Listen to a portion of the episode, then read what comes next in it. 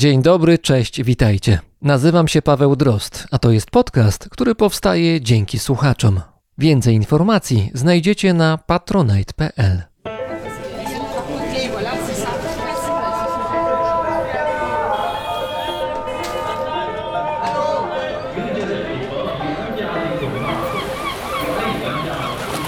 Brzmienie świata z lotu Drozda.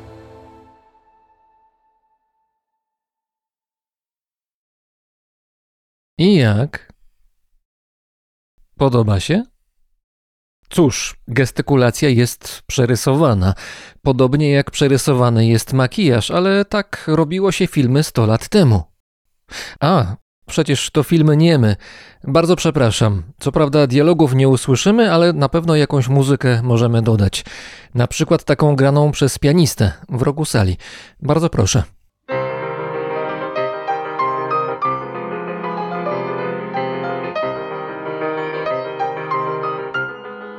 Tejże jakże dramatycznej scenie szejk Ahmed jedzie konno przez Saharę.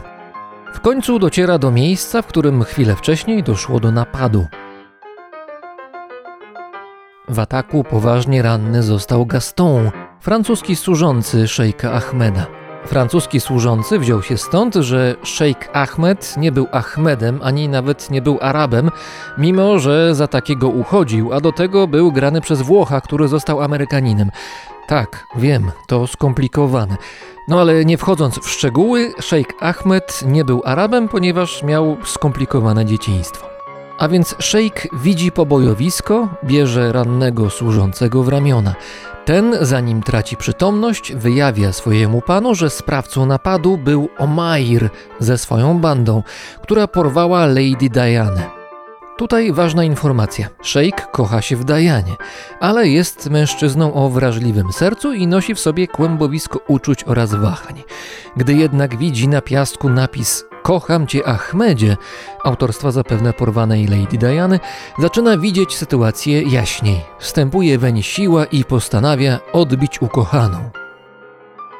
Tak 101 lat temu wyglądała ta pustynna opowieść, a jej ciąg dalszy niech toczy się już w konwencji bardziej XXI-wiecznej.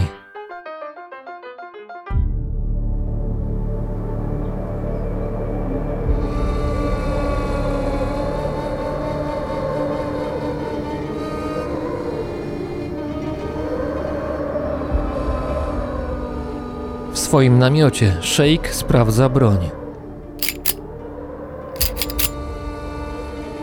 Pistolet nie może zawieść, gdy ruszy już na wroga. Przecież Omair i jego bandyci nie poddadzą się bez walki, a w tej bitwie zwycięzca może być tylko jeden.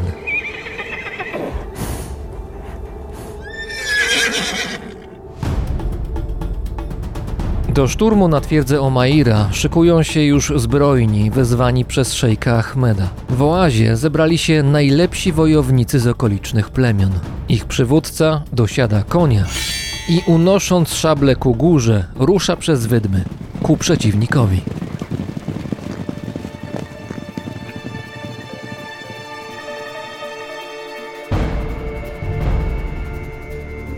Zapada noc, a w swojej twierdzy Omair w pozie władcy leży na miękkich skórach. Jest panem sytuacji. Każe wezwać do siebie pojmaną białą kobietę. Gdy służba chce doprowadzić brankę przed oblicze Omaira, Diana wie, co ją czeka. Mimo, że próbuje bronić się przed niechcianym adoratorem, Omair staje się coraz bardziej natarczywy. Nie powstrzymuje go nawet jedna z nałożnic z jego haremu, która w akcie zazdrości sięga po nóż. Diana na próżno woła o pomoc. Wtedy do twierdzy wdzierają się wojownicy szejka Ahmeda ze swoim przywódcą na czele. Szejk wpada do komnaty Omaira i rozpoczyna się walka obu mężczyzn. W końcu Omair ginie uduszony, ale na ziemię pada też sam Ahmed, ranny podczas starcia. Lady Diana wpada w przerażenie. Czy jej ukochany przeżyje? Przeżyje.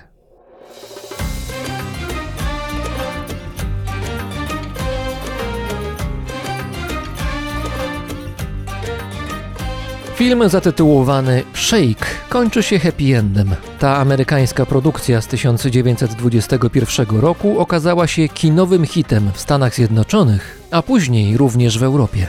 Odtwórca tytułowej roli, Rudolf Valentino, dzięki Shake'owi stał się celebrytą i synonimem romantycznego bohatera, za którym wzdychała niejedna kobieta. Wszystkie zdjęcia do tego filmu powstały w USA, najprawdopodobniej gdzieś w Kalifornii. Z jednej strony można tam było znaleźć plenery, które mogły udawać Sahary, a z drugiej strony blisko było do Hollywood. 10 lat wcześniej, w tej zaledwie kilkutysięcznej miejscowości niedaleko Los Angeles, powstało pierwsze studio filmowe. Później dołączyły do niego kolejne. Wybór Hollywood jako centrum amerykańskiego kina wynikał m.in. z niedoskonałości raczkującego przemysłu filmowego. Na początku XX wieku brakowało lamp, które mogłyby odpowiednio doświetlić plan zdjęciowy, dlatego filmowcy kręcili przy świetle dziennym, o ile pogoda była dobra. Kalifornijska aura zapewniała wiele słonecznych dni, stąd wybór padł właśnie na to miejsce. Film Shake miał wpływ na historię kina oraz na życie Rudolfa Valentino, który umarł bardzo młodo, raptem 5 lat po premierze. Shake zmienił też losy amerykańskich rolników.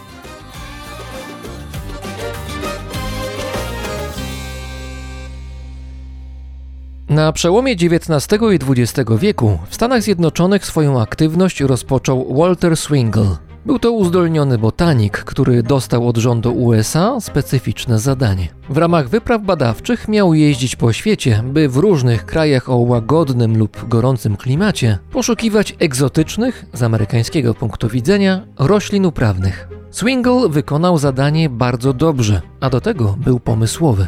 W 1911 roku doprowadził do stworzenia hybrydy, którą znamy pod nazwą tangerynka. To owoc będący połączeniem mandarynki i grapefruita. Swingle sprowadził do ojczyzny pistacje oraz figi. W tym drugim przypadku zadbał o to, by przywieźć do Stanów Zjednoczonych także bleskotki. To małe owady spokrewnione z osami. Ich cykl życiowy jest bezpośrednio związany z cyklem życiowym fig. Są od siebie uzależnione. Nie byłoby fig bez bleskotek i bleskotek bez fig, o czym wiedział Walter Swingle. Amerykanie zawdzięczają mu jeszcze jeden owoc. Daktyle.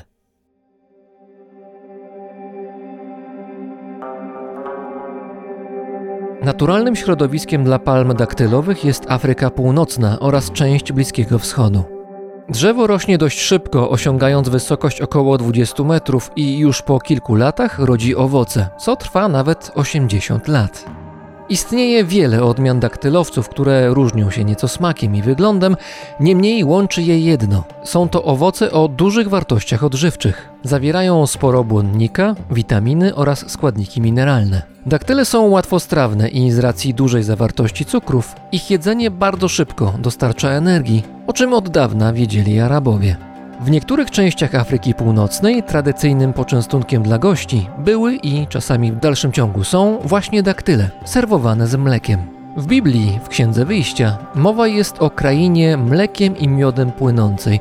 Być może jednak chodziło nie tyle o miód, lecz o daktyle, które znane są ze swojej słodyczy. Walter Swingle nie był pierwszym Amerykaninem, który sprowadził daktylowce do Stanów Zjednoczonych, ale dopiero on zadbał o to, by rośliny te zapuściły w USA korzenie. Sprowadził do swojego kraju dwie znane w Afryce Północnej odmiany, w tym sześć odrostów odmiany Deglet Nur.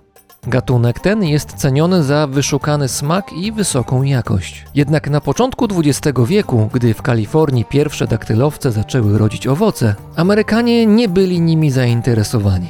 Daktyle ani wyglądem, ani smakiem nie przypominały żadnego znanego im owocu. Nie były związane z żadną okolicznością, której mogłyby być uzupełnieniem.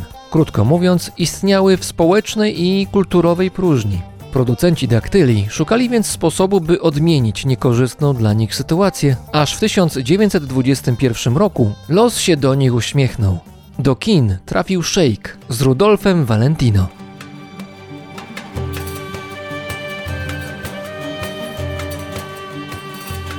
Romantyczna historia nie tylko sprowadziła ludzi do kin, ale spowodowała również, że Amerykanie zakochali się w świecie tajemniczych Arabów oraz w ich namiotach gdzieś na równie tajemniczej pustyni. Kolejne amerykańskie osiedla lub nawet miasteczka zyskiwały nazwy nawiązujące do Bliskiego Wschodu. Oasis, Mekka, Arabia, Medina, Bagdad, Damaskus.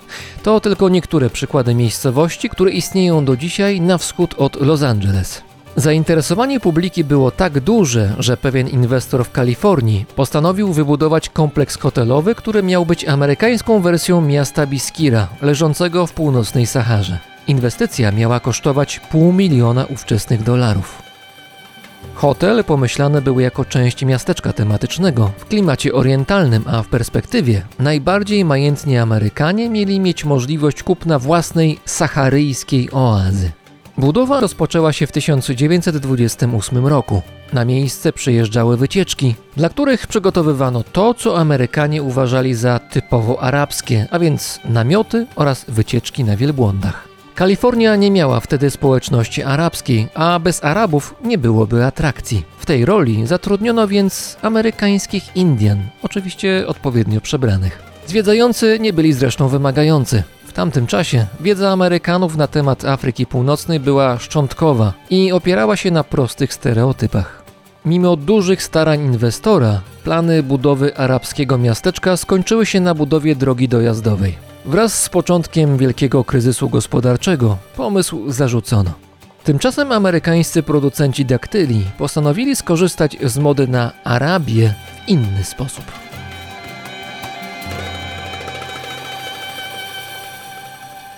Niemal wszystkie amerykańskie plantacje daktylowców znajdowały się w dolinie Coachella, niedaleko miasta Indio oraz Palm Springs, które później stanie się jednym z najchętniej odwiedzanych miast wakacyjnych w USA. Dolina Coachella zapewniała zarówno bardzo wysokie temperatury, jak i wydajne źródła wody, co jest niezbędne do uprawy daktylowców. Uprawy te rozwijały się na tyle dobrze, że ówczesna amerykańska prasa nie wahała się pisać, że rolnicy w USA wyprzedzają swoimi możliwościami ich bliskowschodnich odpowiedników. Był to przejaw ksenofobii i poczucia wyższości, wynikający głównie z niewiedzy. To, co z pewnością wiedzieli producenci daktyli z Doliny Coachella, to, że potrzebują pobudzić zainteresowanie swoim produktem. W tym celu dołączyli do trwającej w USA mody na arabski Orient. Pustynnych rejonach Doliny Coachella zaczęli budować amerykańską wizję Bliskiego Wschodu. W otoczeniu daktylowych plantacji stawiano autentyczne beduińskie namioty, a daktyle można było kupować na stoiskach wyglądających jak piramidy. W 1921 roku, po premierze filmu Shake, w mieście Indio odbył się pierwszy międzynarodowy festiwal daktyli, jak go nazwali organizatorzy. Była to odpowiedź na fantazje, jakie na temat Bliskiego Wschodu mieli w głowach Amerykanie. Zwiedzających witali mężczyźni w strojach podobnych do kostiumu Rudolfa Valentino, a towarzyszyły im kobiety odpowiadające romantycznemu wyobrażeniu bohaterek baśni Tysiąca i Jednej Nocy. Dookoła spacerowały wielbłądy. Goście mogli wybrać się na przedstawienie do teatru Alladyna, gdzie bileterem był człowiek z fezem na głowie. W latach 40. i 50. dodatkowym elementem imprezy stały się wybory Miss Piękności. W konkursie startowały nastoletnie dziewczyny w strojach charakterystycznych dla zachodniego stereotypu kobiet z haremu. Odsłonięte ramiona, odsłonięte brzuchy i prześwitujące zwiewne dodatki. Zwyciężczyni konkursu otrzymywała tytuł królowej Szeherezady, a w chwili koronacji owej królowej z głośników emitowano autentyczne nagranie z Algieru, na którym muezin nawołuje muzułmanów do modlitwy. To, że kontekst tego nagrania miał się nijak do wyborów Miss, nie miało znaczenia. Liczyło się skojarzenie z Bliskim Wschodem.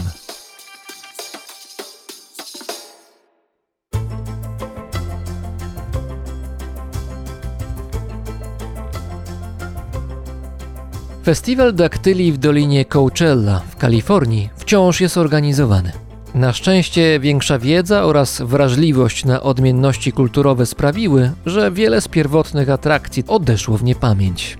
Marketingowy cel tej imprezy został osiągnięty, ponieważ amerykańskie daktyle znalazły wśród Amerykanów uznanie. Współcześnie w USA produkuje się około 33 tysiące ton tych owoców rocznie. To dużo jak na Stany Zjednoczone, ale mało w porównaniu z Bliskim Wschodem. Tam roczna produkcja sięga kilku milionów ton. Największym światowym producentem daktyli jest Egipt, ale ze względu na jakość i smak szczególnie cenione są daktyle z Algierii. I to tam zajrzymy za chwilę.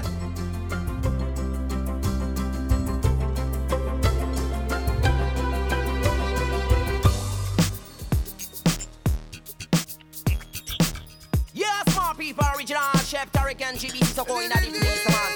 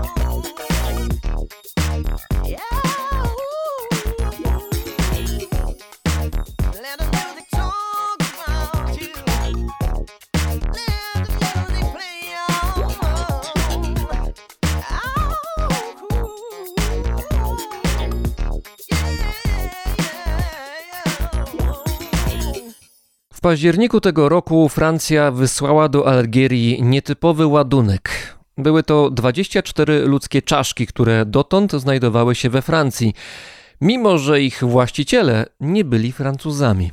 Czaszki stanowiły część paryskiego Muzeum Ludzkości od XIX wieku. Wtedy to Francuzi skolonizowali tereny dzisiejszej Algierii. Jednak mieszkający tam ludzie wystąpili zbrojnie przeciwko Europejczykom. Doszło do nierównych walk, które Francuzi wygrali. Owe 24 czaszki należały do algierskich wojowników czy żołnierzy. Gdy zginęli, Francuzi zabrali je jako trofeum do Francji. Teraz w ramach pojednania francusko-algierskiego zwrócono je. Jednak pojawił się drobny problem. Po pierwsze, formalnie czaszki dalej są własnością Francji, a po drugie, Okazało się, że część z nich nie należy do antyfrancuskich algierskich bojowników z XIX wieku, lecz są to czaszki jakichś innych ludzi. Sprawa jest w toku. I nie po raz pierwszy i pewnie nie po raz ostatni. Relacje na linii Algier-Paryż są napięte. Przeszłość wciąż gra tu ważną rolę. Zresztą podobnie jak w relacjach wewnętrznych między samymi Algierczykami. W Krakowie jest z nami Artur Urbański z Torre.pl, ekspert w zakresie Afryki, a w szczególności Afryki Północnej, skąd zresztą niedawno wrócił z kolejnego wyjazdu. Dzień dobry, cześć, witaj. Dzień dobry, dzień dobry Państwu. W naszym kraju wciąż niektórzy nasi rodacy patrzą na Niemców, mając na uwadze II wojnę światową, to już po prawie 80 latach po zakończeniu tego konfliktu. Tymczasem w Algierii rolę Niemców pełnią Francuzi. Jak się wydaje, napięcia na tym tle są znacznie silniejsze i bardziej żywe niż u nas. Tak przynajmniej mnie się wydaje. Jak to wygląda z Twojej perspektywy, z perspektywy osoby, która tam regularnie bywa i z różnymi Algierczykami rozmawia? Rzeczywiście tak jest. Po pierwsze, jeżeli idzie o opus magnum stosunków algiersko-francuskich, czyli wojna wyzwoleńcza, ona była 20 lat po II wojnie światowej, więc ten okres jest krótszy i ludzie, którzy pamiętają tę wojnę, tu jeszcze w dosyć dużej liczbie żyją. Poza tym u nas jest tak, że jest to część rozgrywki politycznej, bo jak sądzę, takie animozje pomiędzy ludźmi, pomiędzy Polakami a Niemcami na poziomie osobistym czy stosunków personalnych to nie mają większego znaczenia. Natomiast pomiędzy Algierczykami i Francuzami jest ta pamięć w tym pokoleniu, szczególnie starszym, jest bardzo żywa i bardzo silna, bo to, czego dopuszczali się Francuzi względem Algierczyków w czasie wojny wyzwoleńczeń, no, może być porównywane do tego, co robili Niemcy w czasie II wojny światowej na terenie Polski, bo na terenie Francji to wyglądało zupełnie inaczej i też w drugą stronę, czyli Front Wyzwolenia Narodowego, który był czołową siłą walczącą o niepodległość Algierii, również stosował metody terrorystyczne, które uderzały we francuskich osiedleńców na terenie Algierii. Pokłosiem tej całej wojny są straty ludzkie, liczone według niektórych statystyk do miliona 350 tysięcy ludzi, a wtedy w Algierii w ogóle mieszkało do 12 milionów ludzi. Więc to, co się wydarzało w trakcie wojny o niepodległość Algierii, ma bardzo wielkie znaczenie dla Algierczyków z jednej strony, dla stosunków politycznych przez cały czas, bo jakby takie pojednanie większe właściwie dopiero w tym roku zaczął się taki mocniejszy proces pojednania politycznego pomiędzy tymi narodami, ale też niebagatelnym faktem jest tak, że część społeczeństwa francuskiego, czyli około 3,5 miliona ludzi, to są potomkowie tak zwanych pied noir, czarnych stóp, czyli francuskich osiedleńców, którzy mieszkali w Algierii i tam pamięć o francuskiej Algierii i o tej wojnie też jest bardzo silnie pielęgnowana. I nie bez kozery jest fakt, że odsetek na przykład nacjonalistów, czyli zwolenników Marine Le Pen wśród potomków Pied Noir jest najwyższy wśród całego społeczeństwa. Trzeba oddzielić dwie różne rzeczy, dwie różne części społeczeństwa, czyli potomków francuskich osiedleńców, kolonów w Algierii francuskiej, czyli to są właśnie ci potomkowie Pied Noir, i nowoczesną emigrację algierską, czyli muzułmanów algierskich czy Algierczyków, którzy do Francji przemieszczają się przede wszystkim w celach takich no, zarobkowych. Ta imigracja ma cele zarobkowe, albo jeżeli idzie o niektóre mniejszości narodowe, uciekają z Algierii. I one mają drastycznie różny stosunek do tej spuścizny Algierii francuskiej, czyli jedni za nią tęskną, a dla drugich to był okres ter francuskiego terroru i francuskiej eksploatacji. Spróbujmy może jeszcze, zanim wejdziemy głębiej w tematykę współczesną stosunków francusko-algierskich, cofnijmy się najpierw do XIX wieku, kiedy ta historia się dopiero rozpoczęła, to znaczy mamy lata 30. XIX wieku.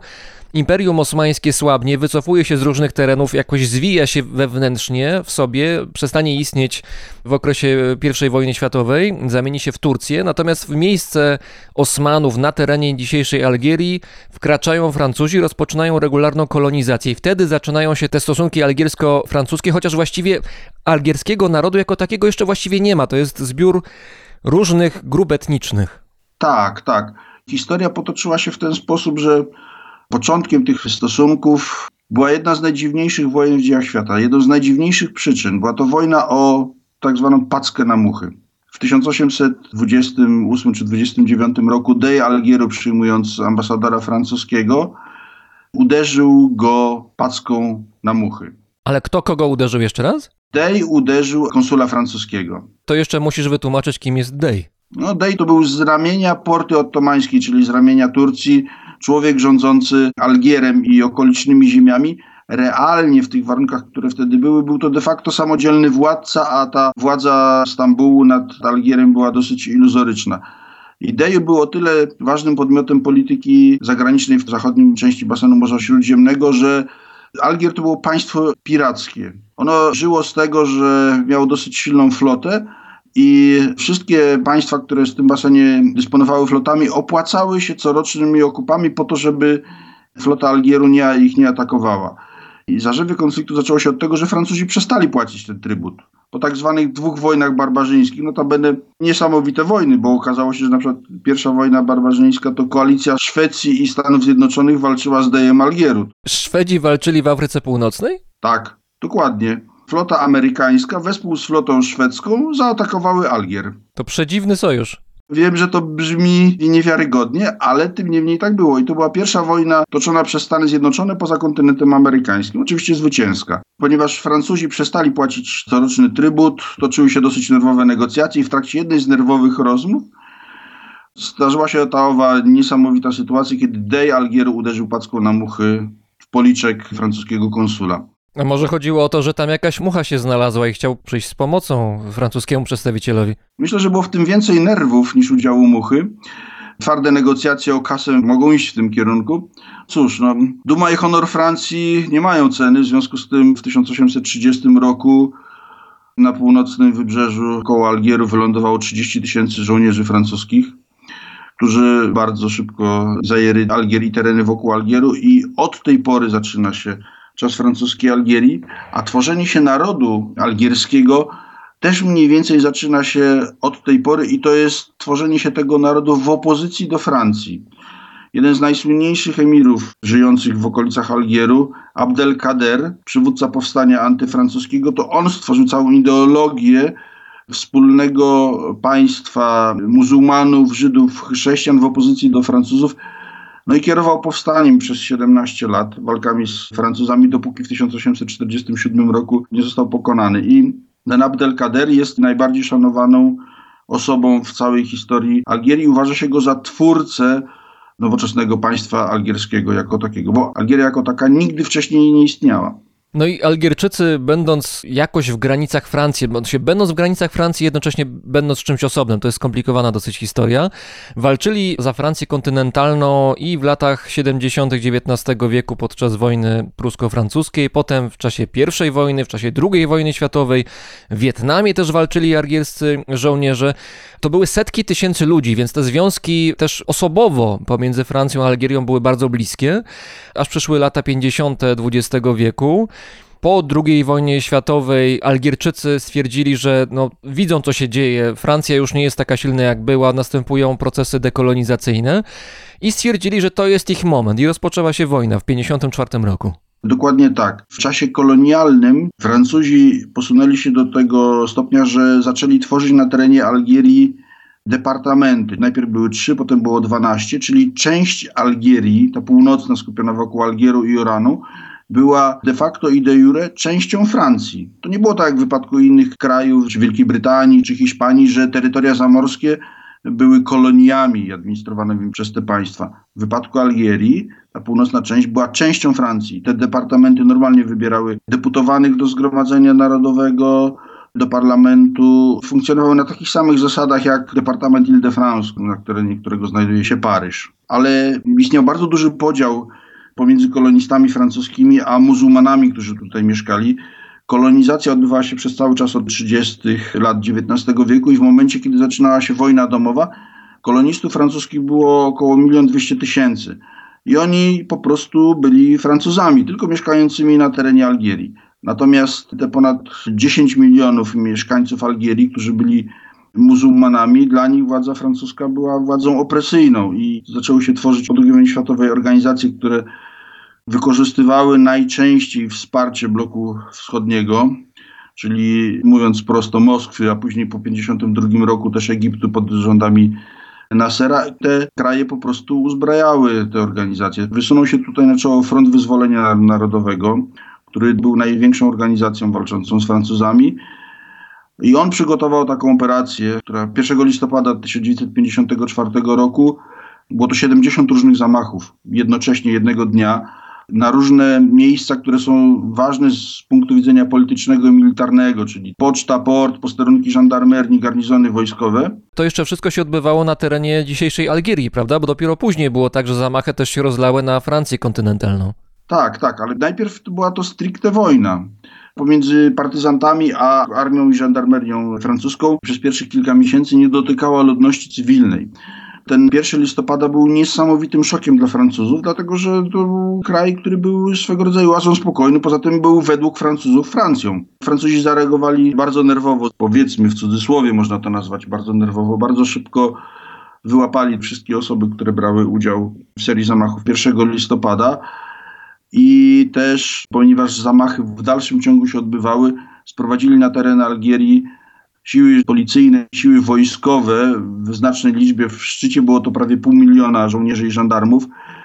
I ważne jest to, że zostały tam sprowadzone przede wszystkim oddziały, które do 1954 roku walczyły w Indochinach, czyli miały doświadczenie militarne, ale oprócz doświadczenia militarnego żołnierze byli weteranami, oni byli przesiąknięci wojną i różne wojenne bestialstwa niestety nie były dla nich niczym nowym.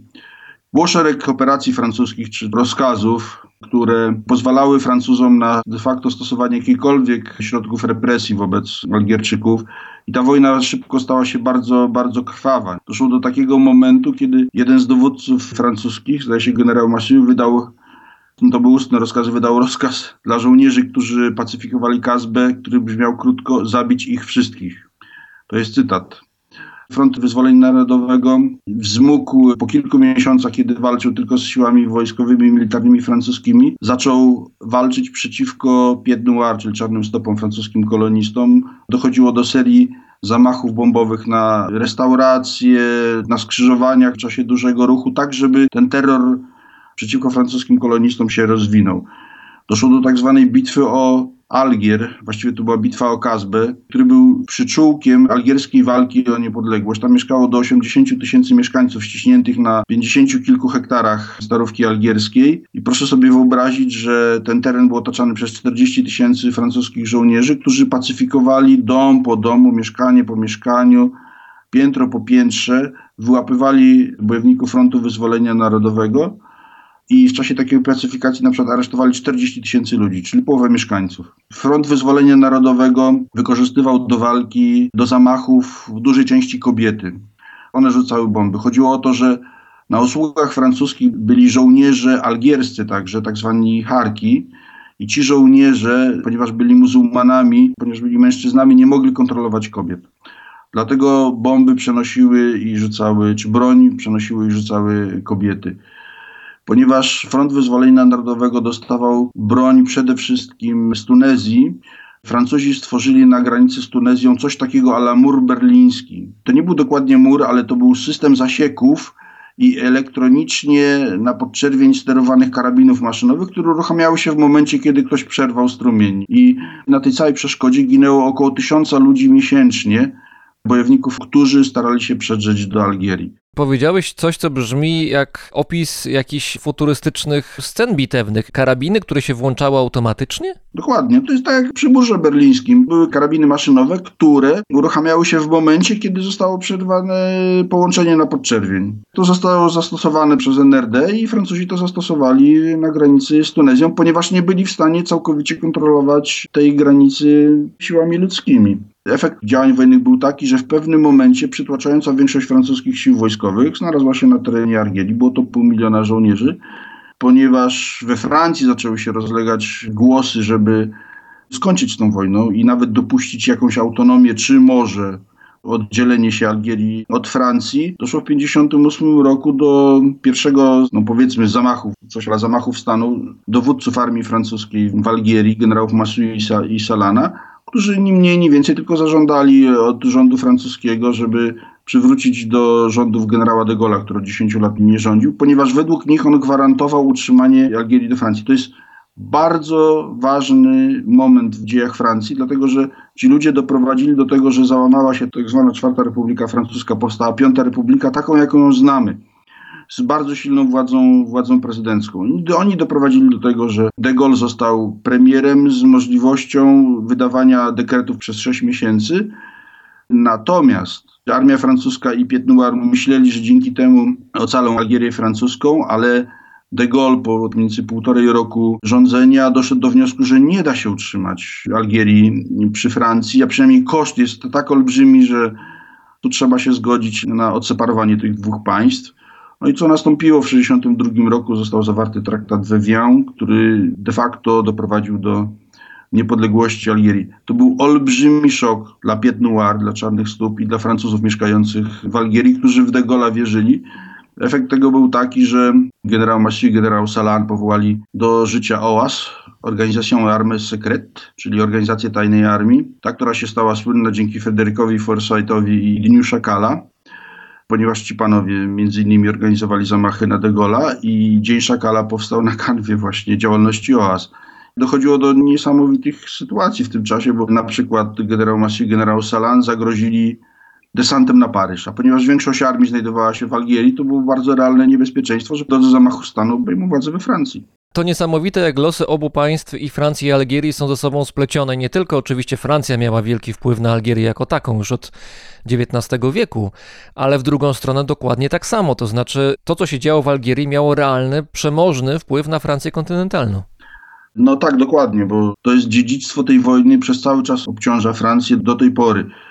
A fakt tych zmian ustrojowych, które nastąpiły we Francji, czyli zamianę Czwartej Republiki na Piątą Republiki, dla Francji jest o tyle ważny, że Czwarta Republika to jest okres takiego niesamowitego chaosu i przegranego imperium. To wtedy Indochiny odpadły od Francji. I to był powiedzmy sobie demokracja ala u nas w Polsce po konstytucji marcowej, a przed zamachem majowym. Zmiana ustroju na ustrój Piątej Republiki doprowadziła do tego, że swego rodzaju ład i porządek nastąpił w strukturach władzy francuskich i też Francja pod rządami de Gaulle'a jej znaczenie bardzo wzrosło. Stworzony został dosyć silne siły jądrowe Francji w czasie tego okresu, kiedy de Gaulle rządził. I też Francja jakby zyskała na znaczeniu politycznym na całym świecie dzięki temu, że okrzepła pod rządami de Gaulle'a. Powiedziałeś o tym, że to pojednanie czy próby pojednania między Francją a Algierią jakoś w tym roku szczególnie przyspieszyły, ale one się zaczęły już nawet trochę wcześniej, bo w 2017 roku prezydent Emmanuel Macron powiedział oficjalnie, to nie zostało jakoś chyba sformalizowane, ale powiedział głośno i wyraźnie, będąc w Algierii, że Francja jest odpowiedzialna za zbrodnie przeciwko ludzkości, które popełniła w Algierii. Bardzo mocne słowa, bo właściwie no, to jest to, co historia wie, to znaczy to, co się działo podczas wojny algiersko-francuskiej w latach 50. i częściowo 60. XX wieku, to były sceny niemal jak wzięte z najgorszych kart II wojny światowej. Tam się krew lała naprawdę intensywnie. Tak. I Macron powiedział pewną oczywistość, to o czym świat wiedział. No dobrze, ale jeżeli mówi to prezydent, to jest to naprawdę mocne. To nie jest tak, że mówi to jakiś historyk czy jakiś, nie wiem, wiceminister, tylko to jest prezydent kraju. Tak, to ma znaczenie polityczne, bo za takim przyznaniem się do winy i stwierdzeniem, że tak, my jesteśmy winni, to natychmiast zaczyna się faza rozliczeń. Natychmiast albo nie natychmiast. No, Francuzi chcieliby rozliczeń dokonywać w takiej formie symbolicznej albo jakby najmniej kosztownej. Natomiast Algieria chciałaby wystawić rachunek realny za straty ludzkie i za straty materialne. No, chciały wystawić rachunek za czas kolonii. No i to będzie dopiero probierz, czy taki papierek latmusowy tego, czy te kraje się dogadują, czy się nie dogadują. Teraz Francja została wręcz zmuszona do tego gestu.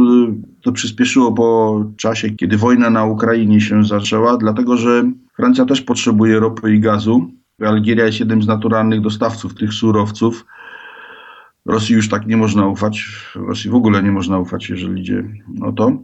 Teraz będą deale biznesowo-polityczne. Czas tego nadchodzi. Wspomniałeś wcześniej ważne hasło, które jest istotnym elementem tego, o czym opowiadamy, tych stosunków algiersko-francuskich i ten element jeszcze bardziej te stosunki komplikuje. Chodzi o Harkisów. Harki to byli Algierczycy, którzy zbrojnie wspierali Francję podczas wojny francusko-algierskiej, ale to nie wynikało z tego, że oni jakoś szczególnie wszyscy wielbili Francję i najchętniej by się w Paryżu osiedlili. To były raczej kwestie no właśnie jakoś zdroworozsądkowe z punktu widzenia tych ludzi. Oni akurat uważali, że w danym momencie było im bliżej do Francuzów niż do tego frontu wyzwolenia algierskiego. To było też związane z tym, że ci Harkisi, ta grupa wspierająca zbrojnie Francuzów, to też byli ludzie, którzy wewnętrznie też mieli między sobą jakieś animozje. To znaczy Algierczycy jako naród owszem istnieje, ale on jest wewnętrznie niezwykle podzielony i tam są różne gry, układy, ktoś kogoś nie lubi, ktoś kogoś lubi, współpracuje, to było bardzo skomplikowane i wtedy to też się jakoś uwidoczniło podczas wojny francusko-algierskiej. Tak, to ma znaczenie, ale trzeba też pamiętać o tym, że to byli żołnierze sił pomocniczych francuskich i ta formacja, ona nie zaczęła istnieć w czasie, kiedy wojna się toczyła. Oni istnieli no tak. przed tą wojną i w momencie, kiedy wojna się zaczęła, już byli żołnierzami, którzy z francuskimi oficerami pod francuską komendą i nagle się okazało, że w kraju, który był spokojny, stają po jednej ze stron barykady, będąc w wojskowym rygorze. Gdyby zaczęli działać przeciwko swoim oficerom czy przeciwko armii francuskiej, okazali się by być zdrajcami. Natomiast po pierwsze byli tam i muzułmanie, były tam i osoby, które tylko dla kasy się zaciągnęły, najczęściej z najbiedniejszych warstw społeczeństwa. Były też osoby, które pochodziły z mniejszości narodowych, których na terenie Algierii jest dosyć dużo w sumie przez tych Arki przewinęło się około 120 tysięcy osób. Z tego w momencie, kiedy wojna się kończyła, było ich około 90 tysięcy i oni zostali przez Francuzów porzuceni. To jest właściwie kazus tego, co widzieliśmy, kiedy Amerykanie, czy generalnie świat zachodu się wycofywał z Afganistanu i wielu ludzi współpracujących z wojskami NATO czy Amerykanami zostało porzuconych i ci ludzie potem mieli bardzo trudne dni, bo talibowie się nimi zainteresowali. W przypadku Harkisów było trochę podobnie, do pewnego stopnia oczywiście. To było dokładnie tak samo, ich traktowano jako sprzymierzeńców wroga, czyli a jeżeli byli Algierczykami, no to jako zdrajców. Oni byli po prostu eksterminowani. I Francuzi nie ułatwiali im ucieczki. W momencie, kiedy już było wiadomo, że Algieria będzie odseparowana, nastąpiła po prostu ucieczka Piet Noir z Algierii. 30 tysięcy ludzi dziennie promami uciekało do Francji. Wtedy popularnym stało się takie hasło lepiej z walizką niż w trumnie. Bo ci ludzie brali jedną czy dwie walizki, pakowali najpotrzebniejsze rzeczy i porzucali swój dobytek i uciekali do Francji. Pied Noir, czyli ludzie, którzy byli Francuzami etnicznymi, ale mieszkali w Algierii. To był ich dom. Tak, albo byli na przykład potomkami francuskich kolonistów. To są ludzie, którzy mieszkając w Algierii, czuli się obywatelami Francji i ich pochodzenie było związane z kolonizacją po 1830 roku. Ten etos Pied Noir do tej pory w społeczeństwie francuskim wśród tych ludzi, wśród potomków istnieje. Dla nich to wspomnienie jest Algierii jako ich kraju jest bardzo ważne. Na przykład Jean-Paul Belmondo jest jednym z czarnych stóp, Albert Camus też był jednym z czarnych stóp. Marcel Cerdan, czyli chłopak Edith Piaf, również był, był taką osobą. To są ludzie, którzy wpływali na społeczeństwo francuskie swoimi poglądami, a we własnym gronie kultywowali wspomnienie o francuskiej Algierii. No i to przez cały czas oddziaływuje na społeczne stosunki pomiędzy Francuzami i Algierczykami. To jeszcze do Harkisów wrócimy na chwilkę. Duża część z nich została porzucona przez Francuzów, ale części udało się przejechać do Francji kontynentalnej, tam się osiedlić i dalej tam są, dalej tworzą społeczność Algierczyków na uchodźstwie, można powiedzieć. Tak, dokładnie. Ich było wtedy około 25 do 30 tysięcy tych, którym się udało ewakuować. Natomiast w morzu tej całej emigracji z Algierii do Francji, w której z jednej strony są powracający Piednoary i Harki, a z drugiej strony jest emigracja Algierczyków, ta powiedzmy zarobkowa, no to oni nie stanowią, czy ich potomkowie nie stanowią znaczącej siły, ani też dużej społeczności. Natomiast no jakby ich losy są, we Francji są trudne, nie? a ci, którzy zostali w Algierii, no to ich wytrzebiono. Po zdobyciu niepodległości przez Algierię władze tego kraju postawiły na budowę narodu algierskiego, tego narodu, który raptem 150 lat wcześniej, czy nawet trochę mniej, zaczął się dopiero budować.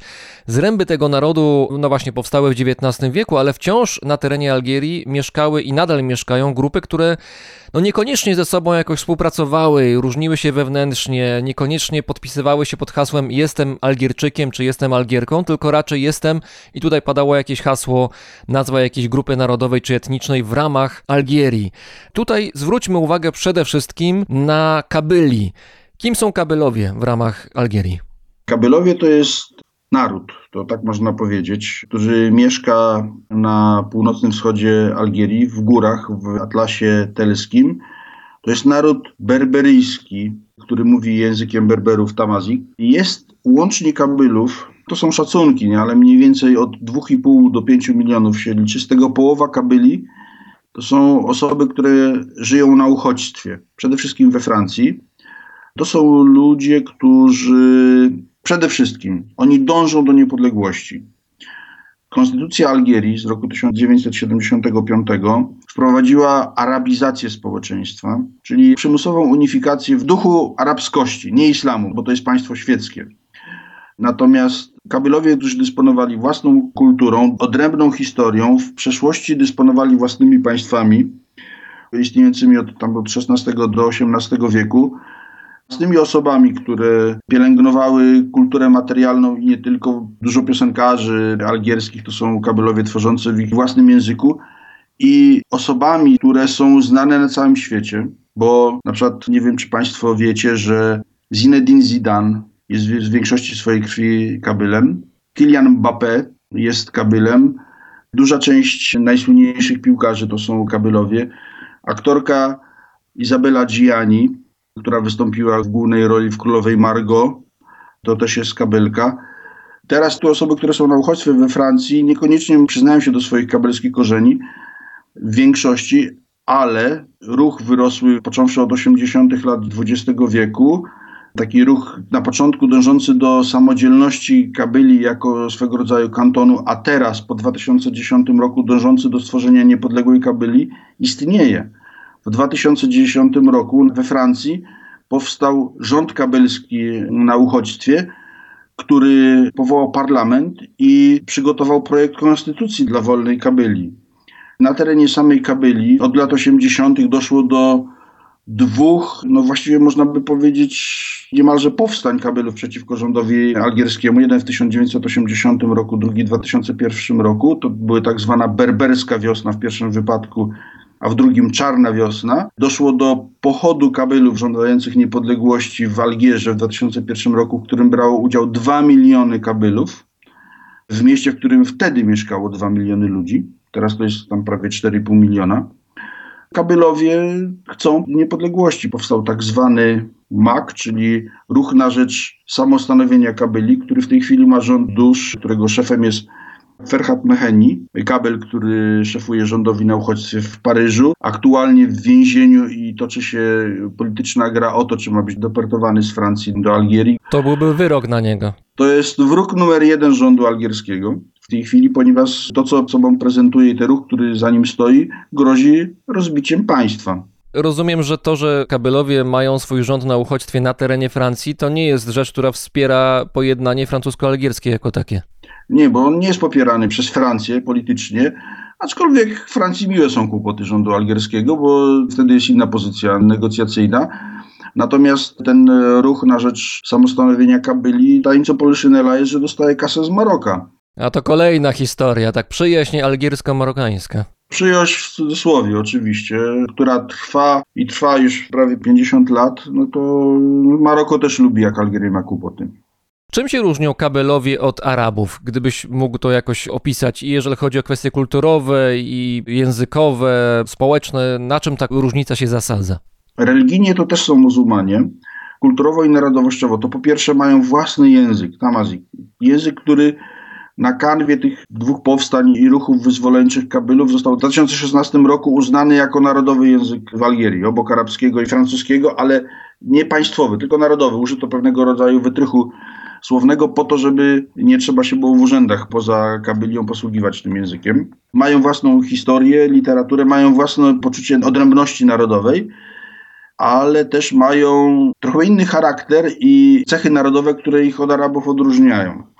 Są dobrymi gospodarzami, że są pracowici, tak powiedzmy jak protestanci w Europie. Czyli jest pewien etos pracy, uczciwej pracy istniejący wśród kabylów. Poza tym oni są przyzwyczajeni do demokratycznego sprawowania władzy. Dlatego to jest między innymi jeden z największych problemów w stosunkach z algierską administracją. Oni przez całe wieki rządzili się w ten sposób, że istniały pewnego rodzaju komuny społeczne, czy na obszarze wioski, czy na obszarze kilkunastu wiosek, tworzyli samorząd, który podejmował samodzielne decyzje, był z tego rozliczany i rządzili się właśnie w ten sposób bez pomocy władzy centralnej. W trakcie tych powstań, które nastąpiły, szczególnie tego w 2001 roku, czyli tak zwanej czarnej wiosny, doszło do tego, że Algieria straciła jakąkolwiek realną władzę w Kabyli. Mówiąc Kabylia, masz na myśli północną część Algierii, blisko granicy z Tunezją. Tak, tak. Wokół głównego ich miasta, które się nazywa Tizi Ouzou. Kabylowie powołali lokalne własne władze i odmówili stosunków jakichkolwiek z urzędami algierskimi, przestali płacić podatki. To była niezgoda narodu na ich ciemiężenie w ramach Algierii. Doszło do tego, że Algierczycy się musieli ugiąć i wycofali żandarmerię z terenów Kabyli. Zostało zawarte swego rodzaju porozumienie, które doprowadziło do uznania języka tamazik jako narodowego. Uniwersytet w Tizi Ouzou no, jest de facto taką kuźnią kabylskich elit narodowych. Jak się dalej potoczy ten cały proces walki Kabylów o niepodległość, bo to już w tej chwili o tym się mówi, no to, to jest tak, że determinacja w narodzie kabylskim jest bardzo duża, ale jakby siła i presja jest zdecydowanie po stronie Algieru, bo to jest państwo, które jest zarządzane można powiedzieć, że żelazną ręką. Struktury są dosyć skostniałe. No, proszę sobie wyobrazić, że państwo, które ma trochę więcej ludzi niż Polska ma armię 400-tysięczną i de facto w tym państwie rządzą generałowie. I tam wybicie się jakiegoś narodu w ramach tego państwa na niepodległość bardzo trudno sobie wyobrazić. Tym bardziej, że w dziejach Algierii okresów bardzo krwawych jest bardzo dużo i dla rządu algierskiego przypartego do muru represje nie byłyby wielkim problemem. Proszę pamiętać o tym, że jeszcze niedawno, 20 lat temu, toczyła się w Algierii wojna domowa od 1992 do 2003 roku, o której ludzie pamiętają. Wtedy w trakcie tej wojny zginęło, jak się przypuszcza, od 200 do 220 tysięcy ludzi. Powiedziałeś o tym, że Kabelowie należą do grupy narodów berberyjskich. Jak oni sami o sobie mówią? Bo z tego, co ja słyszałem, to część narodów czy przedstawicieli narodów, których my oceniamy z europejskiej perspektywy jako Berberów, to oni woleliby, żeby mówić na nich, że są Amazygami czy Amazik. Jak sami Kabelowie na to patrzą? Czy tutaj te słowa mają znaczenie dla nich? Mają, mają, owszem. Oni sami o sobie nie mówią, że są kabelami, tylko mówią, że są Legbayel w języku tamazik. Mają świadomość, że są ludem, który ma korzenie berberskie, natomiast to jest tak jak na przykład z Tuaregami, że też mają swoje korzenie berberskie, tylko Tuaregowie jakby dużo wcześniej się wyodrębnili, ale mają świadomość już odrębności takiej, że to jest taka, to jest tak jak mniej więcej my Czesi wierzymy, że jesteśmy Słowianami, ale też mamy takie pojęcie odrębności narodowej naszej. No i oni tak samo, że są Berberami, ale ich naród to jest naród kabelski. Wróćmy jeszcze do kwestii przyjaźni między Algierią a Marokiem. To jest przedziwna historia, bo z jednej strony wychodzi na to, że no, powinna być przyjaźń między narodami rzeczywiście właściwa, no bo i Arabowie, i muzułmanie, i podobna część Afryki Północnej, trochę podobna do pewnego stopnia historia postkolonialna, ale jednocześnie między tymi krajami co najmniej iskrzy. No już nie mówię o tym, że właściwie jakby był jakiś taki bardzo potężny zapalnik, to mogłoby nawet do wojny dojść. Dość powiedzieć, że Algierczycy bardzo intensywnie aktywnie wspierają Saharyjczyków, którzy próbują wybić się na niepodległość na południu terytorium, które Maroko uznaje za swoje. Także gdybyś wytłumaczył w trzech słowach, na czym polega sedno tej niezgody pomiędzy Marokiem a Algierią. U zarania tego konfliktu jest właśnie kwestia Sahary Zachodniej. Maroko uważa ten obszar za część swojego państwa, natomiast Algieria, wspierając front Polisario i bojowców e, Sahrawi, Saharyjczyków, jest temu przeciwna i zamknięcie granicy pomiędzy tymi państwami nastąpiło właśnie na kanwie sprzeciwu Algierii wobec polityki Maroka w sprawie Sahary Zachodniej. W Algierii ta granica jest zamknięta cały czas, a stosunki okresami trwają pomiędzy Algierią i Marokiem. Okresami są zrywane. Aktualnie jest okres, kiedy Algieria zerwała stosunki dyplomatyczne z Marokiem i to ma związek przede wszystkim ze stosowaniem przez Maroko na szeroką skalę szpiegowskiego oprogramowania Pegasus.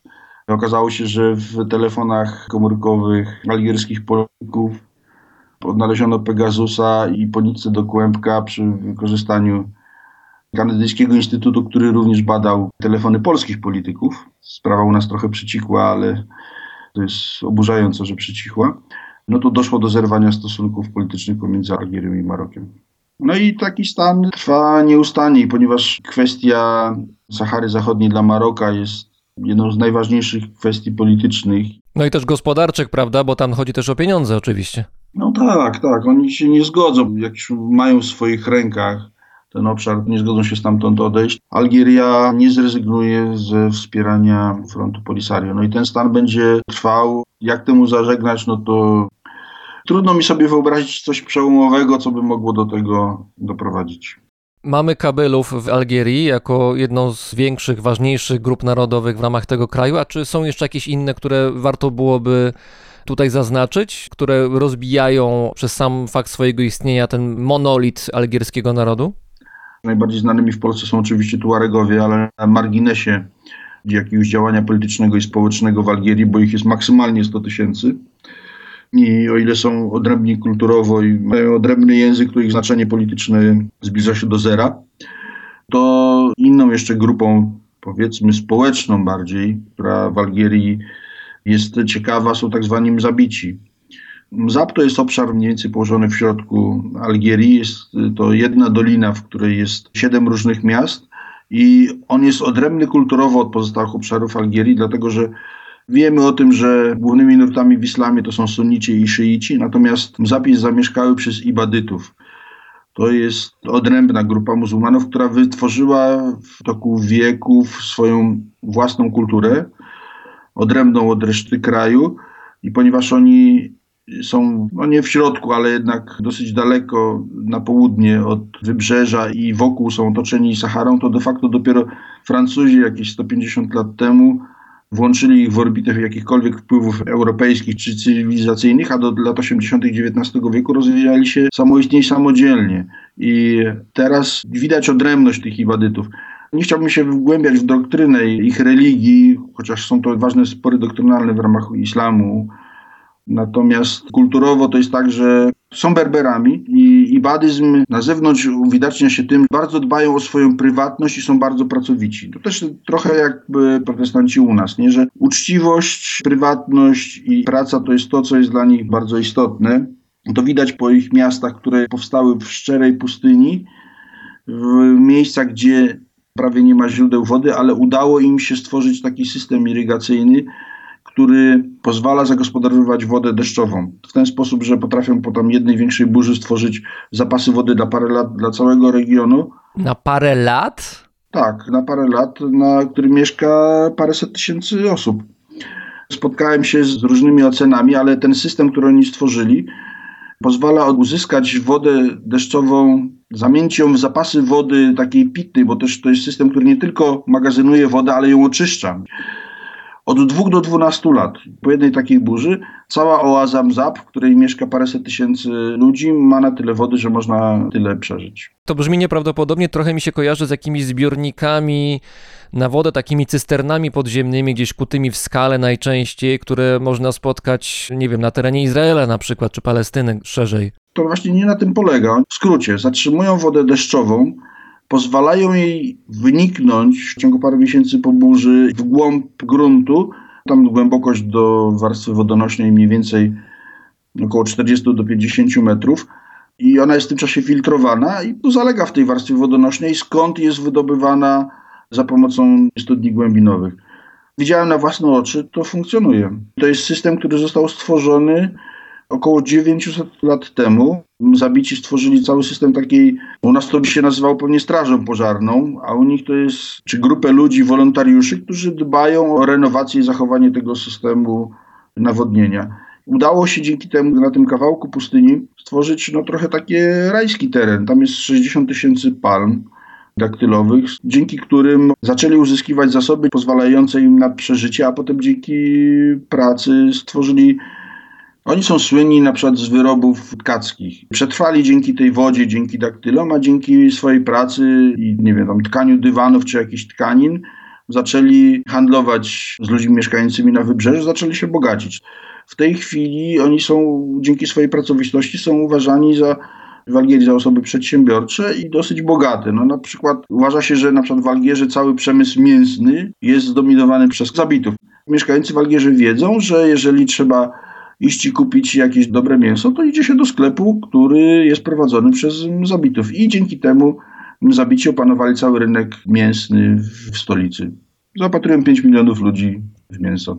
Kilka lat temu gościłem u siebie w domu przez kilka dni, bodaj przez tydzień, pewnego młodego Algierczyka w wieku dwudziestu paru lat. Przebywał akurat w Warszawie i szukał jakiegoś lokum, no i mieszkał akurat u mnie. Parę razy z nim rozmawiałem, delikatnie poruszając kwestie właśnie stosunków algiersko-francuskich. Gdzieś tam próbowaliśmy nawet troszeczkę po francusku rozmawiać. No, on bardzo dobrze mówi po francusku, ja no już tam jakieś strzępy tej mojej francuszczyzny występują i było wszystko w porządku do momentu właśnie, kiedy zapytałem o o jego relacje, czy jego stosunek do Francji jako taki. Momentalnie twarz się zmieniła, trochę inny wyraz, wyraźnie inny.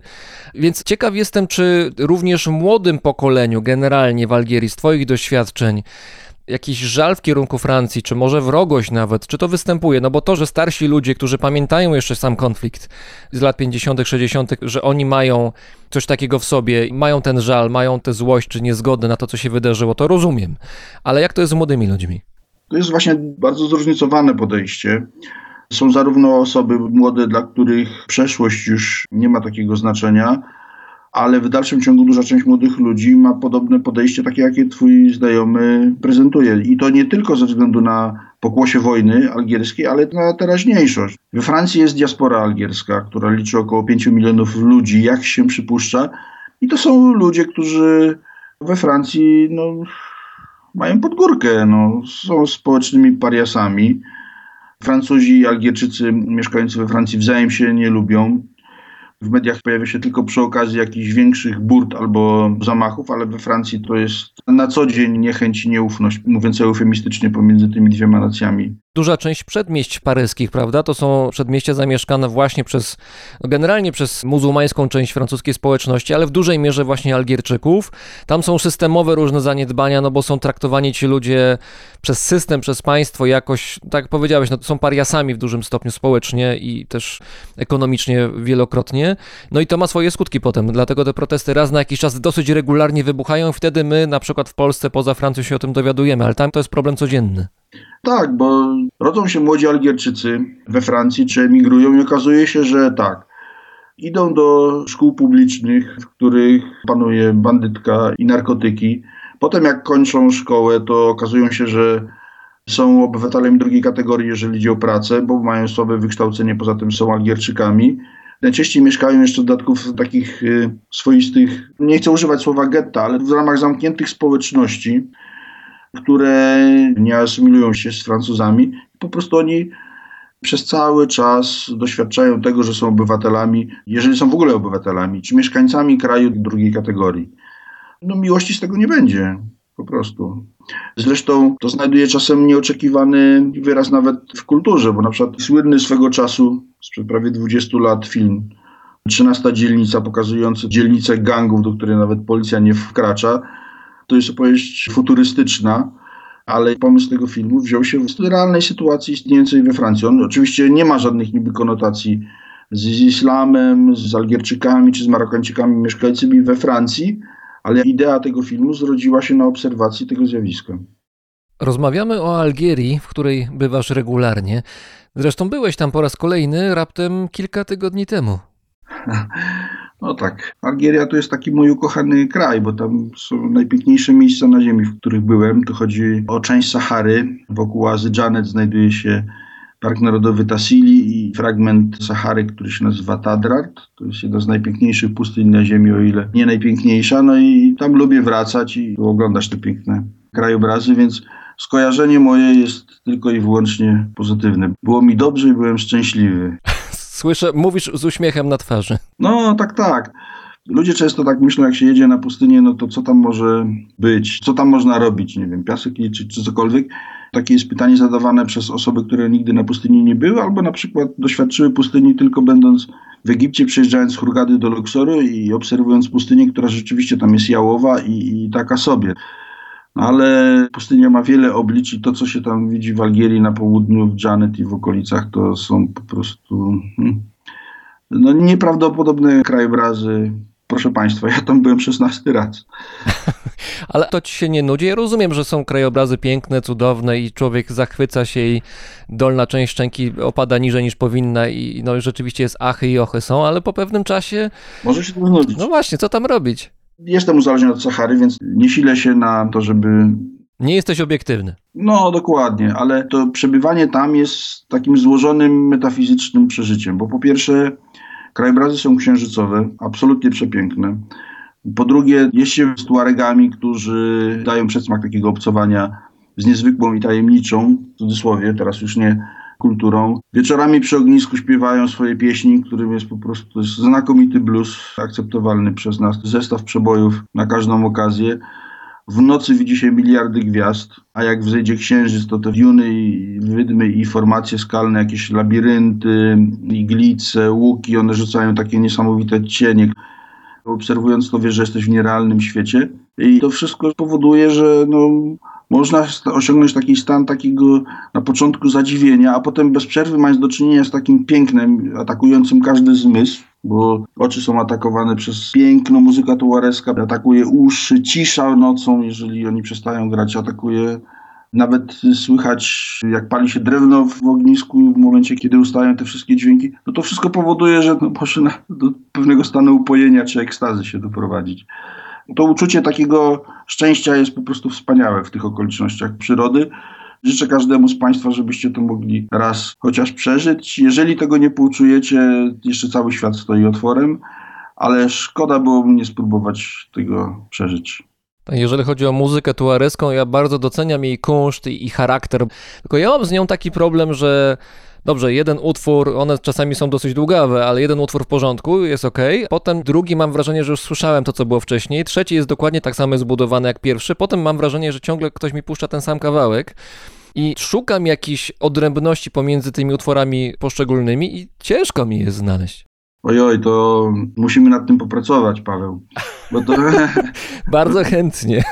Zaraz po nagraniu pozwolisz, że ci prześlę set podstawowych przebojów. Dobrze. Jeżeli w dalszym ciągu podtrzymasz swoją opinię, no to już nie będziemy nad tym pracować, ale może uda się co coś zmienić. No wiesz co, to zróbmy edukację grupową, dobrze? Umówmy się, że przyszli mi całą listę przebojów, ja się z nią zapoznam i będę się edukował we własnym zaciszu. Natomiast niezależnie od tego, jeden utwór proszę wybierz, który w ramach edukacji globalnej, to znaczy nie tylko dla mnie, dla naszych słuchaczy generalnie, on będzie przedstawiony zaraz po naszej rozmowie i wszyscy będziemy się edukować. Dzięki tobie. Okej, okay, może tak być. To mogę od razu zapowiedzieć, że ten utwór to będzie utwór zespołu Imarhan. Będzie miał odnosił tytuł Idislet i Majrat. To jest opowieść o miłości sączonej powoli w żyły jak niczym trucizna. Trudny tekst, ale wspaniała pieśń. Brzmi ciekawie. Bardzo Ci dziękuję. Razem z nami w Krakowie, ale też wielokrotnie bywający w Algierii był Artur Urbański z torre.pl. Bardzo Ci dziękuję. Bardzo Państwu również dziękuję. Do usłyszenia, do zobaczenia.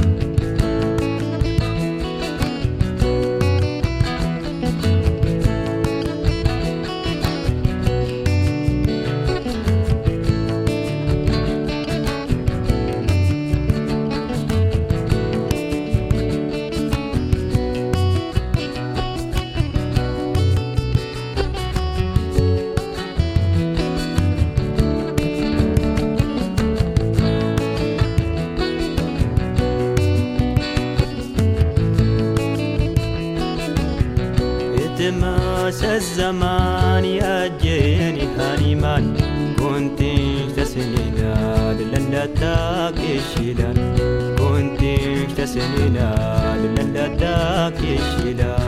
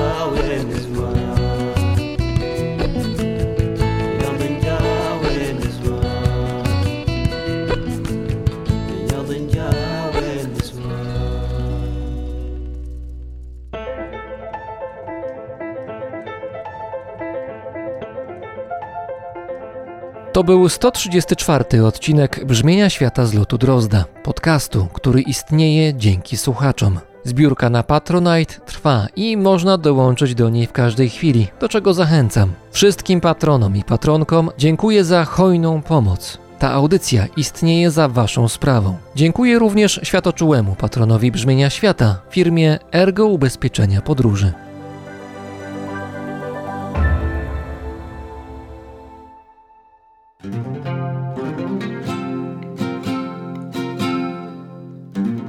Paweł Drozd, czyli ja, mówi Wam dobrego dnia.